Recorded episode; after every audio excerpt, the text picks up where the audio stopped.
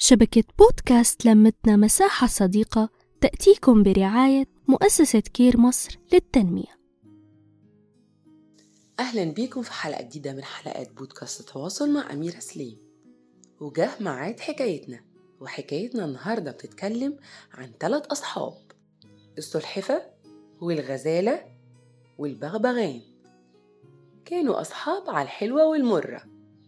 كانوا بيفرحوا لفرح بعض وبيزعلوا لزعل بعض.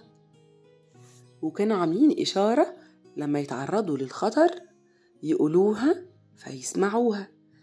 أي حد كان بيتعرض للخطر كان بيقول وي وي وي وي وي. التاني يسمع التاني يقولها للتالت وكلهم يتجمعوا في لحظات.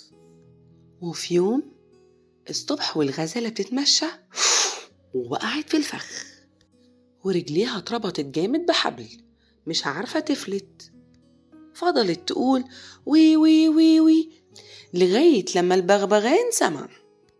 البغبغان طار عليها ووصل لها وشاف إن هي خلاص رجليها اتربطت محتاجة حد ينقذها قبل الصياد ما يرجع وياخدها طار البغبغان للسلحفة بلغها المكان وطلب منها بسنانها القوية تقطع الحبل وهو هيطير على الصياد.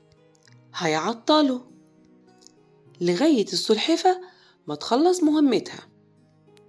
وجريت السلحفة للغزالة وفضلت تحاول بسنانها تقطع الحبل. والبغبغان طار للصياد فضل يمشي قدامه ويعطله ويطير يمين ويطير شمال علشان يشغله والحمد لله كانت السلحفة قامت بالمهمة وأنقذت الغزالة. البغبغان طار سريع ووصل لهم وطلب منهم إن هو كل واحد فيهم يجري بسرعة ويبعد عن المكان عشان الصياد خلاص قرب. طار البغبغان وجريت الغزالة والسلحفة وهي بتجري برضو السلحفة بطيئة.